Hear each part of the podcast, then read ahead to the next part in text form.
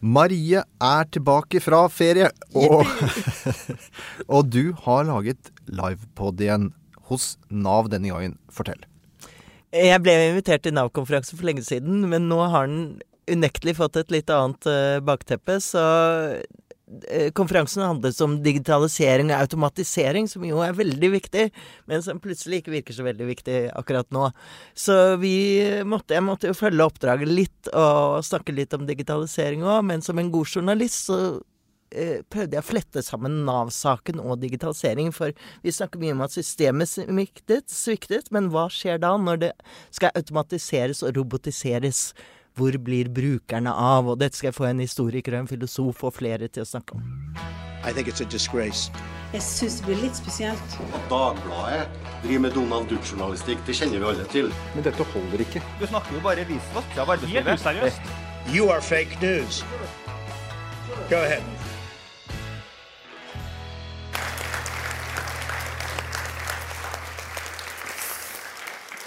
Ja, altså Velkommen til denne livepodkasten. Live den har unektelig fått et litt annet bakteppe enn da jeg takket ja til oppdraget. Eh, og eh, vi må nok eh, vi må snakke om digitalisering, er tittelen på konferansen deres. Men vi må nok også snakke litt om Nav-saken. Og det er mulig at vi som eh, journalister vi er jo flinke til sånn at vi klarer å få til å eh, koble begge deler at det kanskje er noe med dette systemet som dere har snakket om i dag, at det er der hunden ligger begravet. Og til det så har jeg fått et knippe med gjester som eh, er eh, smarte. De har riktignok bare menneskelig intelligens, så jeg vet ikke hvor langt vi kommer med det, men eh, vi skal i hvert fall prøve. Og da er det ta vel imot. først filosof Einar Duenger Bøhn.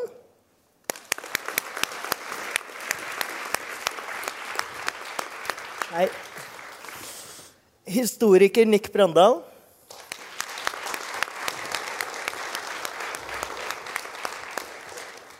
Advokat eh, Bjørg Granrød.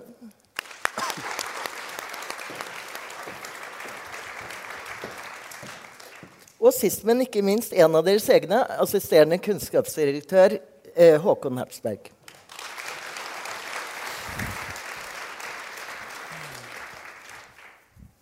Vi begynner med filosofien, så vi starter liksom litt sånn høyt oppe. Og så skal vi se om vi kan ta det litt ned eh, etter hvert eh, til det rent konkrete.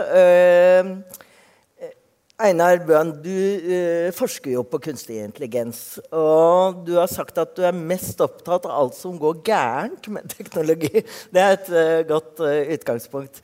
Men du har også sagt at å la kunstig intelligens ta avgjørelser er å overlate kontrollen til en intelligent psykopat. Det høres ikke veldig bra ut. Nei, uh, det er en bra sånn siteringsline, da. Nei, altså det er jo, Ideen er at det er, altså det er viktig å forstå hva kunstig intelligens er. da. Uh, og uh, intelligent, bare sånne enkle ting som at intelligens er noe helt annet enn moral. For eksempel, slik at du, jeg kjenner for mange veldig intelligente mennesker som ikke er veldig moralske. Og så kjenner jeg mange moralske som ikke er veldig intelligente. Og Dette illustrerer jo at dette er to forskjellige begreper som ikke alltid går hånd i hånd. slik at det bare å øke intelligensen er jo ikke automatisk å gjøre det som er riktig. da.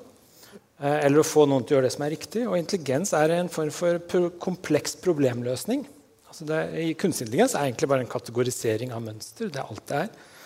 Eh, og det kan selvfølgelig gjøres veldig effektivt eh, for et formål. Men det innebærer da som sagt ikke at det er en god måte å gjøre det på. Så dette er et sånn kjent problem. Altså det, det, mest effektive er ikke alltid det rette. Ja, altså Man snakker om effektivisering, så er det liksom eh, ja, altså, altså, Digitalisering høres jo veldig liksom, Ja, det er jo egentlig effektivisering det ofte er snakk om. da. Uh, men det er, det er derfor veldig viktig også, bare sånne enkle skiller som det her, da, at det er forskjellige ting. så vi, mange, vi får mange forespørsler for om folk som spør hvordan kan jeg anvende kunstig intelligens. For det er veldig i tiden. ikke sant? Det er en veldig bølge på det her. Så sier de hvordan kan jeg anvende det her. Det er veldig få som lurer på hvorfor skal jeg anvende det her. Uh, og det er veldig få som lurer på hvordan bør jeg anvende det her. De lurer bare på hvordan kan jeg anvende det her. Og det er veldig stor forskjell på hva du kan gjøre, da, og hva du bør gjøre. men, men uh, kunstig intelligens altså, går det an da, Du var inne på dette med moral og intelligens, men uh, går det an å få en kunstig moral? Ja, det er en ting som jeg, Hvis jeg skal rapportere fra forskningsfronten til dere på Nav, da, så er det en av tinga som mange kommer mer og mer opp, da, og som vi også driver med, det er å prøve å lage kunstig moral. Så Det innebærer egentlig å lage kunstig moralsk intelligente systemer. Da. For det å være moralsk er en form for problemløsning, men det er en litt annen problemløsning enn bare mønstergjenkjenning, f.eks., som du i seg selv ikke har noe moral, eh, moralsk aspekt. Da. Så det er, det er, noe som diskuteres mer og mer. Og det sies nå f.eks. at uh, det er litt mindre fokus på det som blir kalt, blir kalt dype nevrale nettverk, som er disse eh, veldig komplekse systemene som vi får ut riktig svar ved overraskende ofte, men vi vet ikke helt hvordan systemet har kommet frem til dette svaret. Og forskningen er litt, sies det nå da, at det er litt på vei vekk fra det av nettopp etiske hensyn. For, eksempel, altså, for vi ser ikke begrunnelsen og hvordan det er kommet frem til svaret, bare at det har effektivt gjort det. Eh, og da vil man ha mer transparente systemer. Da vil man ha mer åpne, ja, blanke bokser istedenfor svarte bokser. Et, en utfordring. Altså, Transparens er jo ja, altså Det er et av de virkelig kjernebegrepene ja. i etikk når det kommer til kunstig intelligens. det er transparent. Ikke bare sånn at systemet skal være gjennomsiktig, et enkelt system, men også hele industrien. egentlig. Altså Bare tenk på sånne enkle ting som at Facebook skal vite alt om deg, men du får ikke vite noen ting om Facebook. ikke sant? Det er en veldig asymmetri, transparent eh, der. Eh, så alt fra det til Jeg tenker liksom at For noen år siden så var vi veldig bekymret for eh, datalagringsdirektivet. Ja, det, det, er det ikke så mange som tenker nei, på lenger. Altså tenk på privat. Har vi gitt opp hele privatlivet vårt. Ja. Så det er eh, eh, Jeg skal komme til, eh, til Håkon Neisberg, for du er også opptatt av etikken i dette. her, Men først så vil jeg ta inn historikeren. Nick Brandal, du er jo mest kjent som en forsker på ekstremisme. Det er jo derfor jeg tok deg inn her. Men du har også forsket på den nordiske modellen og moderniseringen av velferdsstaten. Og var Nav-saken på en måte en eh, varslet katastrofe? Uh, ja, ja, og nei. Uh, og jeg skal prøve å svare på en måte som gjør at vi ikke blir sittende her i, i hele kveld. Uh, altså, Utgangspunktet for den norske velferdsstaten altså, Dere representerer egentlig det aller fineste ved hele det norske samfunnet. Deres samfunnsoppdrag er å sørge for at ingen skal måtte stå med hua i handa. Dere skal gi folk verdighet som mennesker. Dette burde egentlig stå som en sånn bud over kontorpulten til alle saksbehandlerne. Dere skal gi folk verdighet. Um, og det, det, som kjennetegner norsk uh, embetsverk, er at de er ekstremt systemlojale. De, de, følger, de er mot de verdiene og mot de systemene som eksisterer der. Um, og da er vi kanskje på vei over mot hvorfor dette ikke burde overraske fullt så mye. For det er ikke tvil om at eh, hvis du ser på eh, Stortinget i dag, med unntak for SV og Rødt, så har det vært et helt klart uttrykt ønske om å stoppe trygdeeksport, velferdseksport. Hvis du leser norske mediekommentatorer eh, fra de siste ti åra, så har det igjen og igjen så har det kommet dette som et voldsomt problem. Dette er en sykdom som kan undergrave hele den norske velferdsstaten. Så når du har et embetsverk som er systemlojalt, og som er veldig var overfor politisk signal, at eh, det da utvikler seg en, en sånn praksis, er kanskje ikke så overraskende. Det er på en måte motsatt av det. Det er noen som har forklart dette med at Nav er blitt så svært eh, at det nærmest er blitt en stat i staten. og det var den Maktutredningen snakket om den fragmenterte staten osv. Men at Nav rett og slett er litt for lydhøre overfor disse altså, politiske signalene. Små stater eh, som lykkes, har utvikla, gjør det gjennom to strategier. På den ene sida eh, bygger de indre kompetanse, og på den andre sida sikrer de seg ytre vern. Nav har vært veldig god på å sikre seg ytre vern. Altså, det har ikke vært eh, ras av kritikk mot, mot Nav. Altså, det, det, er veldig interessant å se forskjellen i media for eksempel, behandling av eh, spørsmål om skatt og spørsmål om trygd. Når det er spørsmål om skatt, eiendomsskatt eksempel, så løper man av gårde og finner et enkeltmenneske som blir ramma av systemet. Når det er snakk om sosialstønad, da finner man et, enkeltmenneske som rammer systemet.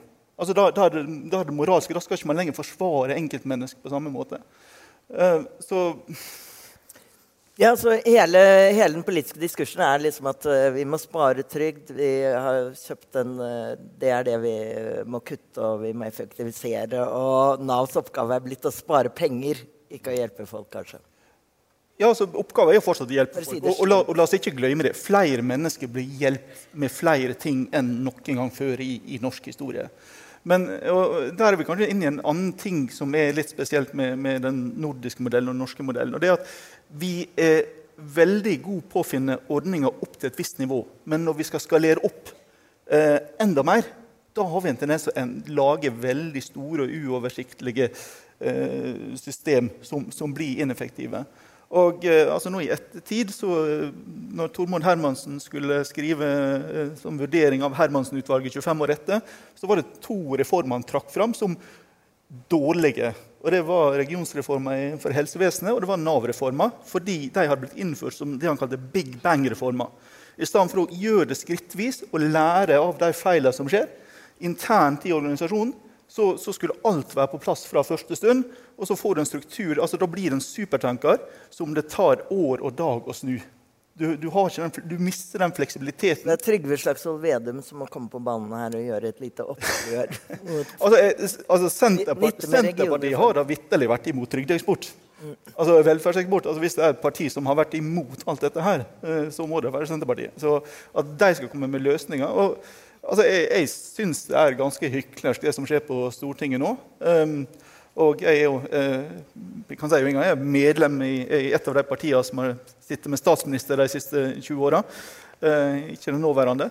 Og eh, at, at Arbeiderpartiet nå eh, gråter krokodilletårer og snakker mistillit, altså det, det, det, det lyder litt hult. altså. De har vært med på reisen til de grader, ja. Eh, Bjørg Granrød, eh, du er advokat og, og møter nettopp noen av disse eh, enkeltskjebnene som eh, Nick snakket om. Det snakker vi jo mye om eh, i politikken også. At, at hvis ikke politikken tåler møtet med enkeltskjebnene, så, så er det noe feil med den. Da må man gjøre noe annet. Og Du ser disse enkeltskjebnenes møte med Nav-systemet. Og jeg kan opplyse om at du har faktisk også sittet på den andre siden. Du har vært jurist i Nav også, så du kjenner systemet også fra innsiden. Men du sier at Nav-systemet spiller kun etter egne spilleregler og følger ikke engang dem. Brukerne får ikke en reell mulighet til å ivareta sine rettigheter. Hva Ja, øh, eh, jeg eh, mener det. Øh, fordi at øh, Nav ivaretar på den ene siden fryktelig mange brukere.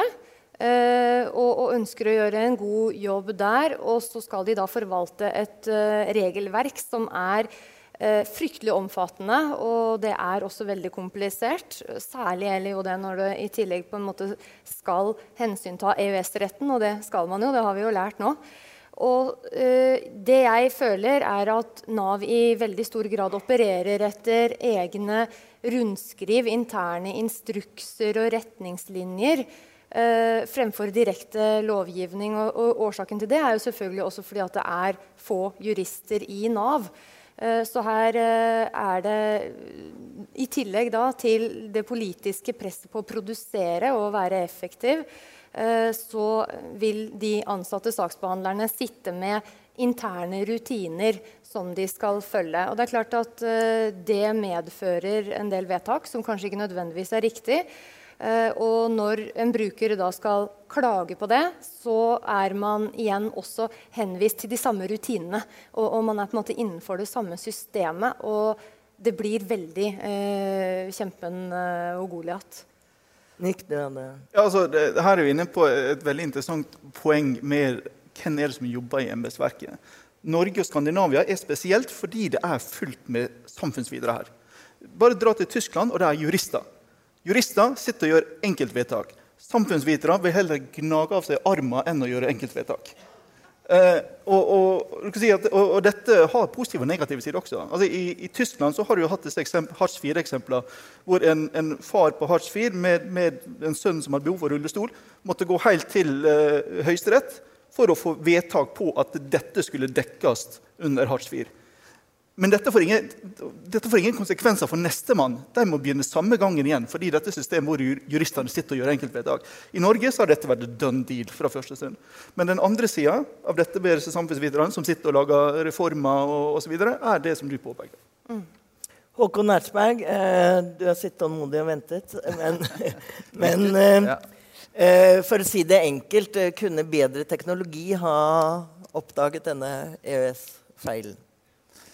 Ja, det er et godt spørsmål. Nei, det ny teknologi iallfall kunne sørget for, det er jo uh, den transparensen og den muligheten for å følge systemene tettere på hva er, vi, hvor, hva er elementene i en saksgang i, inn i dette systemet, og se hvilke elementer man legger vekt på og ikke.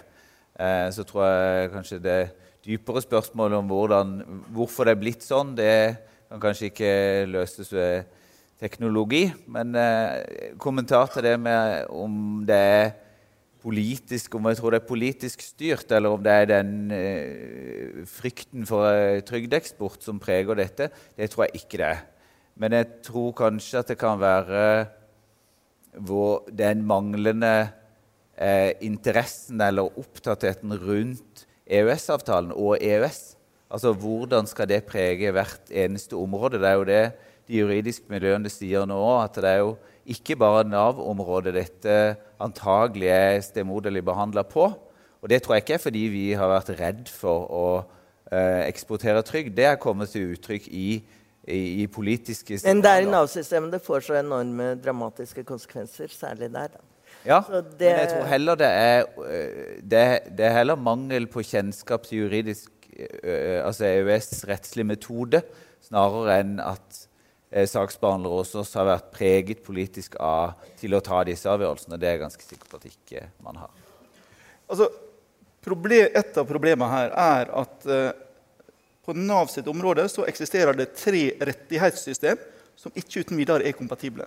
På den ene sida har du velferdsstaten som et rettighetssystem basert på at man er statsborger og betaler skatt. Yter etter evne, få etter behov osv. Så, så har vi, har vi det internasjonale menneskerettighetssystemet, som Norge har ratifisert, og som går over norsk lov, som sier at du har rettigheter i kraft av det å være et menneske.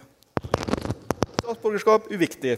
Eh, altså Hvem du er, hva du er, hva du tror på osv. uviktig. Disse to er åpenbart ikke kompatible. Eh, og, så kommer, eh, og, så har vi jo en masse undersystem her med europeiske menneskerettighetskonvensjon, og urfolkskonvensjon og nasjonale minoritetskonvensjoner, som får konsekvenser for eh, hvordan Nav skal behandle undergrupper. Og så kommer EØS som et tredje rettighetssystem, hvor du har rettigheter inn i rettssystemet i kraft av å være EØS-borger og å ha, mottatt, eller, og ha betalt inn en, en, skatt i, i Norge på, på, en eller annen måte. Uh, men, men da uten begrensninger knytta til statsborgerskap og bosted osv. Og, og, og igjen, altså, disse tre her er ikke kompatible, det er, og det er vanskelig å manøvrere. Og det jeg har opplevd i embetsverket, er at dette er problemstillinger de ikke har tenkt du ønsker deg flere jurister i Nav, så det er uh, Ja, ja. ja jeg heier på det. det og, det, og det, de, det, flere jurister i Nav ville gjort med de eh, Jeg vil ikke si at ikke de er kompatible, men de supplerer. Og er Sånn er det jo med lovgivning òg. Vi har ulik lovgivning som skal dekke ulike behov. Og Det er det samme, og ulike eh, grunnlag. Og så må vi jo da anvende den juridiske metoden som nettopp er bygd opp for å si hvordan skal du balansere ulike hensyn. Akkurat samme som at vi har en norsk lovgivning som sier noe om hvordan den får anvendelse i Norge. Og så har vi, eh, en EØS-avtale vi må ta hensyn til. Og så har vi en trygdeavtale med, eller så har vi trygdeavtaler med alle mulige eh, verdens land for hvordan vi skal koordinere trygdene med de. Og Da handler jo bare dette om at dette skal vi balansere. Det er det samme som GDPR og personvern nå. Det må jo eh, også finne en balanse og finne sin plass i et rettslig system. Vi kan ikke alltid si at vi alltid skal følge GDPR til punkt og prikke. For det kan være andre både lovgivning og andre hensyn som tilsier at disse må balanseres. Og Det gjør man jo nettopp gjennom god juridisk metode. Og En del av den gode juridiske metoden er jo nettopp å dokumentere det, sånn at man kan se hva var, som, hva var, balansen, og hvordan kan vi etterprøve det hvis man mener det er feil? Einar Bjørn, du var jo inne på innledningsvis dette med å få en kunstig moral, som jo høres litt sånn uh, veldig science fiction ut. Men, men eh, noe som vi har vært inne på her, er jo eh, å ivareta individenes behov og rettssikkerhet og slike ting. Hvor, I hvilken grad kan automatisere det? Ja, altså, jeg tror det er veldig tror jeg. Er det meg som durer? Jeg tror det er veldig viktig å skille mellom uh, altså, så, for prøv, altså, det er veldig viktig å skille mellom individer og strukturer de er del av. Da. Mm. Slik at Dette handler litt om være transparent system igjen. Altså Hvis du, du kan være del av et system Nå er det noe galt med teknikken her. Det kan være uh, et, uh, et, system som du er en del av, hvor ingen enkeltindivider har skyld i at det skjer noe. ikke sant? Fordi det er en strukturell greie. Eh, og da er det veldig lett å si at jeg hadde ikke skyld, jeg hadde ikke skyld, jeg hadde ikke skyld. Så er det ingen som har skyld, og så har strukturen fått, skyld, strukturen fått skylda. Eh, så Derfor er det veldig viktig for å skille ansvar for strukturen fra skyld i hvor det gikk galt. Altså det er jo veldig ofte at ledere har ansvar uten at de har skyld i at det gikk galt. og det er veldig viktig å skille. Og Kunstig moral vil være systemer som måte, nå tror jeg ikke den Nav-skandalen har noe med teknologi å gjøre. for å være helt ærlig. Altså, jeg tror det er helt atskilt, så jeg tror vi driver litt med to forskjellige ting her nå. Men jeg tror Sånn som kunstig moral vil kunne se skille mellom disse for eksempel, ganske lett. da, uh, Uten at enkeltindivider og personlig stolthet og følelsene som kommer inn i spill, og ingen føler at de har skyld. og Da blir det menneskelige, emosjonelle registeret på en måte nøytralisert litt, og så kan du ta det som et råd, og så kan vi gå inn og se sjøl om er, vi er enig i den avgjørelsen det systemet har tatt. Også. Men sånne oppveiinger eh, eh, er veldig viktig i sånne større systemer. Eh, og det er ganske vanskelig å se som enkeltindivid da, når det er en del av et system. Og dette er det masse eksempler på i historien, at strukturelle eh, hendelser kan få enkeltindivider til å gjøre mye rart uten at noen har skyld. Da. Mm. Ja, det, ja, nei, jeg bare tenkte jeg skulle tilføre at uh, i tillegg til uh, kompetanse, så kan man jo det, altså, si at det unektelig også handler om uh, arbeidspresset. når Nav-ansatte blir jo målt på antall vedtak de fatter. Og min erfaring med Nav-systemet over tid er at det presset er blitt større man ser jo at saksbehandlingstidene øker, særlig klagebehandlingstidene. Jeg tror det er ganske mange enkeltindivider som ikke eh, har mulighet eller orker og klarer å stå løpet igjennom fordi at det, ressursene rett og slett ikke er der til at man eh, når igjennom eller finner en løsning innen rimelig tid. Men her er det automatisering bl.a. kommer inn. da. Eh, hvor langt kan man egentlig gå i å automatisere slike oppgaver? Altså, det er jo noe av det vi har diskutert i dag, som ja. er en åpenbar gevinst. Altså, det det, de enkle sakene som ikke har noe glede av et menneskelig blikk, de bør jo digitaliseres. Eh, det skaper jo på en måte både Man har alltid glede av et menneskelig blikk. Hva?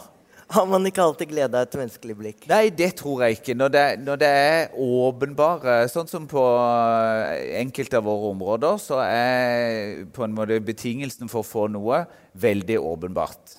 Eh, og hvis vi ser inn i fremtiden, hvis det er f.eks. på sykepenger, der alle elementene er helt åpenbare, så bør det kanskje ikke være noen som sitter og ser på det. Og så kan det være at de alltid skal se på når noen får avslag og mister en rettighet. Men det kan være at hvis eh, legene er helt enige om at du har en eh, predefinert eller en diagnose som vi har sagt at den er det aldri noe tvil om, og du har inntektene og du har alt på plass, så er det ikke sikkert at det at noen sitter og ser på den saken, gir noe glede.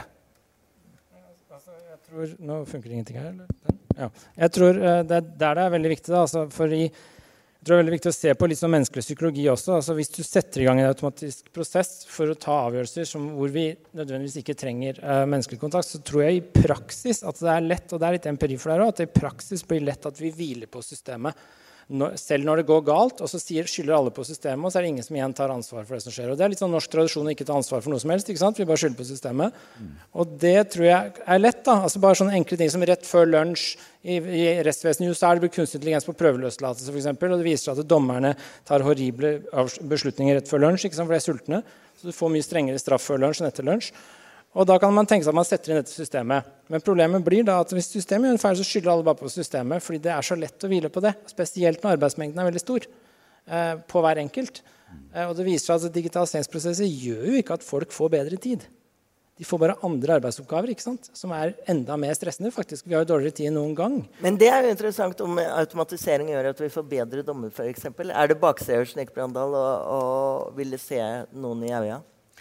Altså, hva skal jeg si? Det, det, det, moderne samfunnet, altså vekst og velstand som vi har opplevd de siste 200-300 åra, har vært basert på standardisering.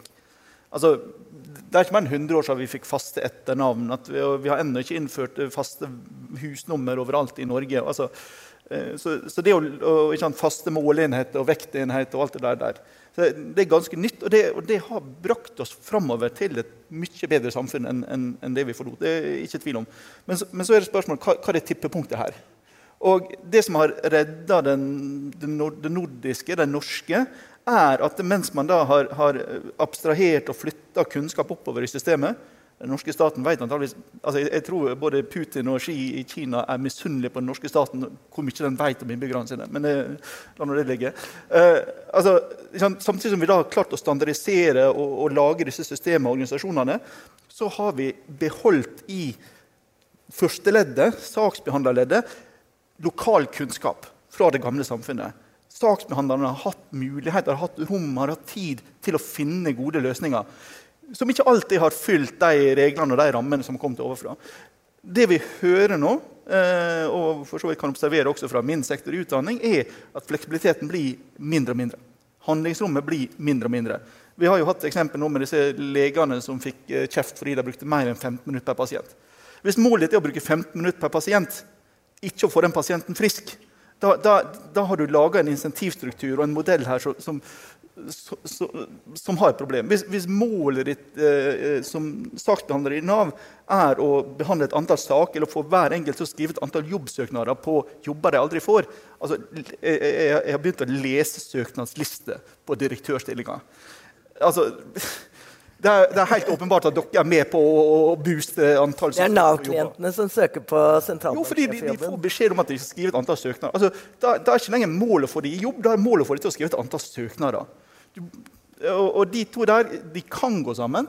Men, men, men altså, hvor er kunnskapsgrunnlaget for at dette er en effektiv måte å få folk i jobb på? Altså, eh, og, og, og, du som blir utsatt for dette her men, altså, Hva blir da verdigheten din? Altså, hvordan opplever du dette som menneske? Blir, blir, du sett? Apropos verdighet, vi må, vi må nærme oss uh, Bare kort replikk til ja. det. for jeg tenker at det, Du reiser mange dilemmaer og mange utfordringer. Men jeg tror ikke utfordringsspill Jeg tror ikke det er digitaliseringen som gjør det.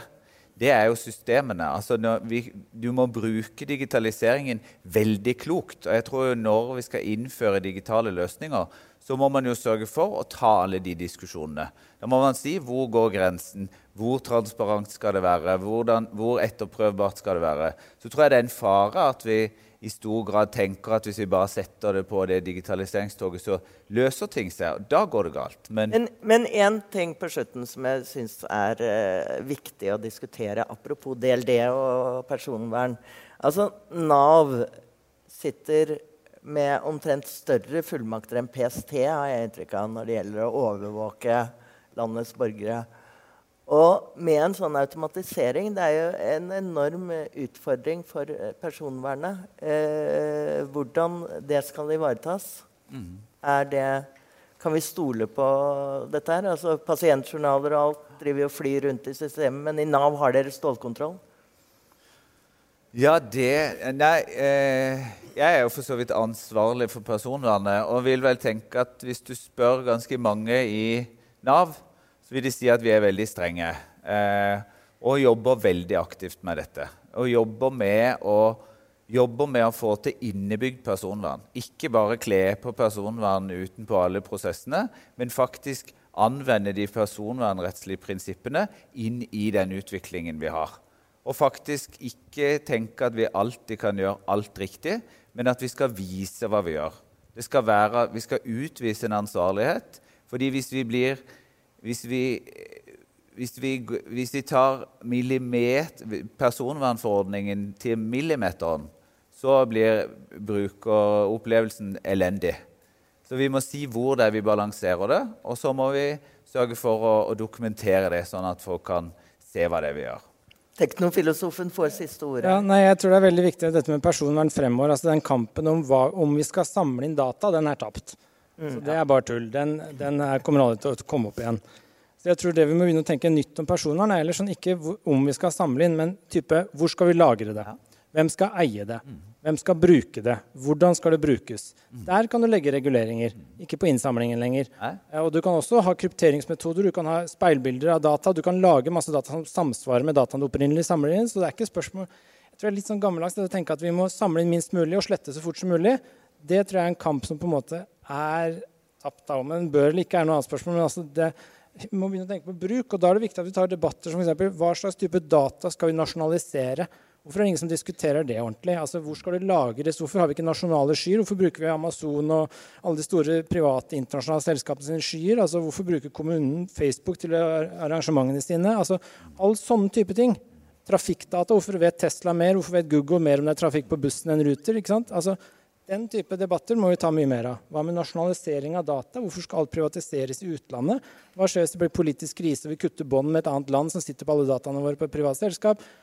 veldig lite debatt om det her. ikke sant? Eh, Dette er derfor vi må eh, snakke mer om digitalisering.